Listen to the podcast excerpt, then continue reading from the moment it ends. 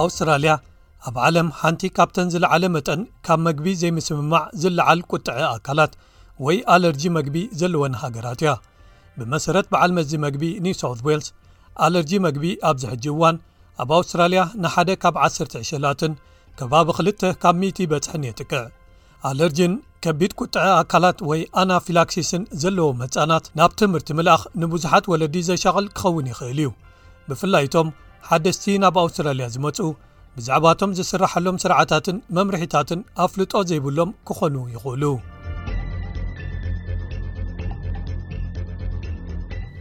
ምእላይ ኣለርጂ ዘለዎም ህጻናት ኣብ ትምህርትን ክንክንን ኣብ መንጎ ወለዲ፣ ቤት ትምህርትን ሓካይምን ኣብ ዝግበር ርክብ ይምርኮስ። ዋና ኣካያዲት ማሕበር ኣለርጂን ኣናፊላክሲስን ኣውስትራልያ ማርያ ሰዒድ፣ ኣለርጂ ኣብ ኣብያተ ትምህርቲ ብተዛማዲ ኣብ ኣውስትራልያ ብጽቡቕ ተታሒዞም እዮም፣ እዚ ኸኣ ፈለማ እምነት ከተሕድረሉ እትኽእል ኣፍልጦ ዘለዎ በዓል ሞያ ብምርካብ ይጅመር ትብል።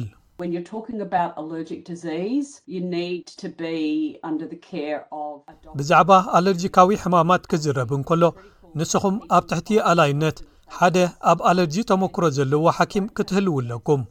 ሰባት ዝኣምንዎ ሓኪም ክረኽቡ ወሳኒ እዩ። ኩሎም መልስታት ክህልውዎም ዘይምዃኖም ተረዲኦም ማለት እዩ፣ ምኽንያቱ ብዛዕባ ኣለርጂካዊ ሕማማት ገና ዘይፍለጥ ብዙሕ ስለ ዘሎ። ግን እትኣምንዎ ሰብ ክትረኽቡ፣ ምኽሮም ክትቅበሉን ኣብ ትሕቲኦም እናተኣለኹም ክትቅጽልዎን ኢና ንሕና እንመክር።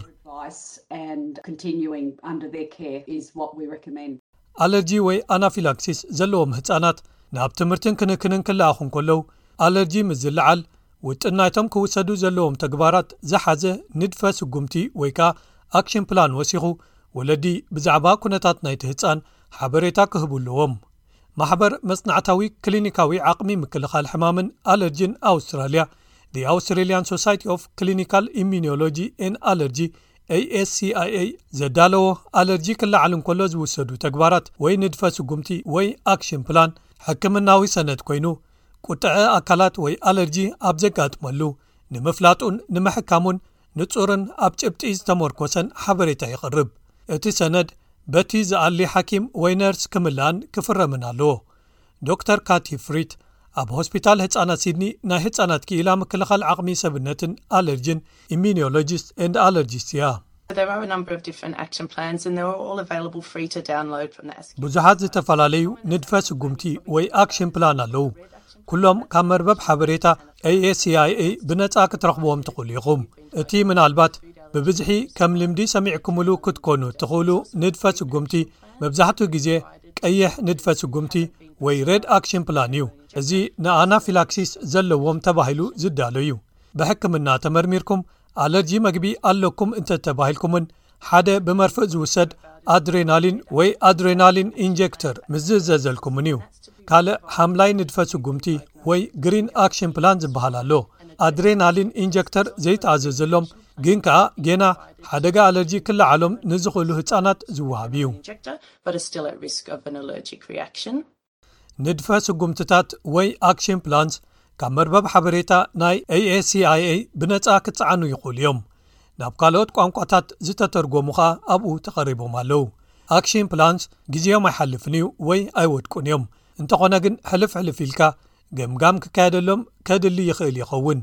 እዚ ኸኣ በቶም ሓኪምኩም ወይ ዶክተርኩም ዝውሰን እዩ። ሓደ ሓደ ግዜ ገለ ቤት ትምህርታት እቲ ንድፈ ስጉምቲ ወይ ኣክሽን ፕላን ኣብ ነፍሲ ወከፍ ዓመት ክሕደስ ይሓታ እየን እንተኾነ ግን እዚ ብሓቂ ኣድላይ ኣይኮነን ምኽንያቱ ገለ ኣለርጂታት ዘለዎም ገለ ህፃናት ኣብ ነፍሲ ወከፍ 18 ወርሒ ወይ በብ ክልተ ዓመታት ጥራይ ስለ ዝኾነ ንግምግሞም። ንምክልኻል ኣናፊላክሲስ ኣብ ቤት ትምህርትታትን መእለዪታትን ተባሂሉ ዝሓለፈ ዓመት ኣውስትራልያ ሓደ ኣብ መላእ ሃገር ብዝበለፀ ኣብ ተግባር ዝውዕል መምርሒ ዝርጊሓ። ብመሰረት ወይዘሪት ስዒድ ሓደ ካብቶም ቀንዲ መልእኽትታት ኣብዚ ሓድሽ መምርሒ ኣገዳስነት ኣለርጂ ኣዌር ወይ ከዓ ብዛዕባ ኣለርጂ ንቑሕ ምዃን እዩ። ኣብ ክንዲ ብጥቕልሉ ገለ ዓይነት መግብታት ማለት ከም በዓል ፍረታት ወይ ጥረታት፣ ናትስን እንቋቑሖታትን፣ ኣብ ዝእግድ ወይ ዝኽልክል ውሳኔ ምሙርካስ እሞ ኸኣ ናይ ሓሶት ስሚዒት ድሕነት ዝፈጥረልካ ማለት እዩ። Banning does not work we've got to have systems in place ምኽልካል ኣይሰርሕን እዩ ኣብ ውሽጢ ናይ ክፍሊ ወይ ክላስ ሃዋህው ዝህሉ ተኽእሎ ሓደጋ ኣብ ምቕናስ ንምሕጋዝ ነተግብሮም ኣሰራርሓታት ክህልውና ኣለዎም ኣነ ንሕና ንኹሉ ሰብ ፍረታት ፉል ወይ ፒናት ወይ ስምስም ወይ ሰሊጥ፣ ሰሰሚ፣ ናብ ክፍሊ ሒዝኩም ምጹ ኢልና ንነግር ኣይኮንኩን ዝብል ዘለኹ። ነታ ወዳ ትሪስተን ከም በዓል ፍርያት ጸባ፣ እንቋቑሖታት፣ መግቢ ባሕርን ናትስን ናይ ብዙሕ ዓይነታት መግቢ ኣለርጂ ዘለዎ ኖቭያ-ቻን ብዛዕባ ኩነታቱ ንወዳ ክትምህሮን ተረርቲ መምርሒታት ከተቐምጠሉን ብጣዕሚ ወሳኒ እዩ። ንትሪስተን ዝኾነ ብኻልእ ዝተዋህበካ መግቢ ኣይትብላዕ ኢለ እየ ዝነግሮ ቅድሚ ሕጂ ጥዒምዎ ዘይፈልጥ ገለ ነገር ክፍትን እንተደልዩ ኩሉ ግዜ ናባይ ኣምፃ እየ ዝብሎ እቶም ንጥረ ነገራት በብሓደ ከፃርዮም መታን ክኽእልን ካብ ናት ፍርያት ፀባን እንቋቑሖን ነፃ ምዃኖም መታን ከረጋግፅን ትሪስተን ኣብ ዝመሃረሉ ቤት ትምህርቲ እቲ ንድፈ ተግባር ወይ ኣክሽን ፕላን ኣብቲ ክፍሊ ዝመሃረሉ ክረኣየሉ ኣብ ዝኽእል ተቐሚጡ ኣሎ። ነቶም መምሃራንን ካልኦት ኣዕሩኽቱን ብዛዕባ ኩነታቱ ንምዝኽኻሮም ተባሂሉ። እዚ ነቶም ተመሃሮ ብቐሊሉ ብዛዕባ ኣለርጂታት ክመሃሩን ኣብቲ ናይ ምሳሕ ሰናዱቖም እንታይ ይጥርንፉ ከስተውዕሉን የኽእሎም። ከም ዕድል ኮይኑ ኣብ ቤት ትምህርቲ መግቢ ተኻፊልካ ምብላዕ ክልኩል እዩ ኩሎም ተምሃሮ ጠዓሞቶም ወይ ምስሖም ምስ ካልኦት መሓዙቶም ከይካፈልዎ ይንገሩ እዮም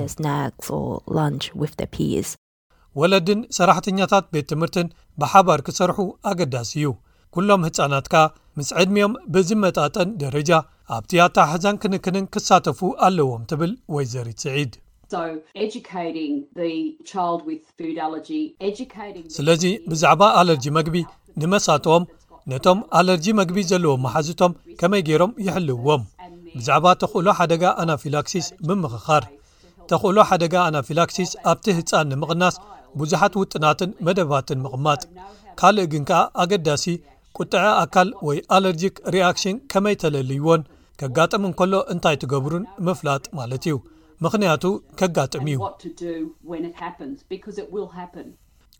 ወለዲ ብተወሳኺ ኣብቲ ንድፈ-ተግባር ብንጹር ዝተቐመጠ ወይ ዝተዘርዘረ ዝኾነ መድሃኒት ወይ ፈውሲ ከቕርብዎ ይሕተቱ። ቤት ትምህርታት ነቲ ንድፈ ተግባርን መድሃኒቶምን ዝሓዘ ንነብሲ ወከፍ ተመሃራይ ንህጹጽ እዋን ዝኸውን ቦርሳ ወይ ኢመርጀንሲ ኪት ክህልዎም እዩ። እቲ መድሃኒት ዝወድቀሉ መዓልታት ምምዝጋብ ጽቡቕ ሓሳብ እዩ፣ ምኽንያቱ እቶም መድሃኒታት ግዜኦም እንተሓሊፉ እቶም ተመሃሮ ኣብ ውሽጢ ቤት ትምህርትን ካብኡ ወጻእን ኣብ ዝካየዱ ንጥፈታት ክሳተፉ ዘይክእሉ ክኾኑ ይኽእሉ። ኣብ ኣውስትራልያ ኣድሬናሊን ኢንጀክተርስ፣ ኤፒፐን ወይ ኣናፐን፣ ንምርካብ ናይ ዶክተር መድሃኒት ዝእዝዘሉ ወረቐት ኣየድልየኩምን እዩ። እንተኾነ ግን በዚ ኣገባብ ምግዛእ ክቡር ክኸውን ይኽእል እዩ። ከባቢ ሰብዓን ሓሙሽተን ክሳብ ሚእቲ ዶላር ንሓደ ኢንጀክተር ከኽፍለኩም ይኽእል ትብል ዶክተር ፍሪት። ኣድሬናሊን ኢንጀክተር ንምርካብ እቶም ኣዝዮም ስሉጣት ኣገባባት ብpbs ወይ መደብ ድጎማ ኣፋውስ ፋርማሲቲካል በነፊት ስኪም ዝጸደቐ ወይ ዝተፈቕደ ናይ ትእዛዝ ወረቐት ወይ ፕሪስክሪፕሽን እዩ እዚ ክልተ ኣድሬናሊን ኢንጀክተርስ ብከባቢ 4 ዶላር ክህልወኩም የፍቅደልኩም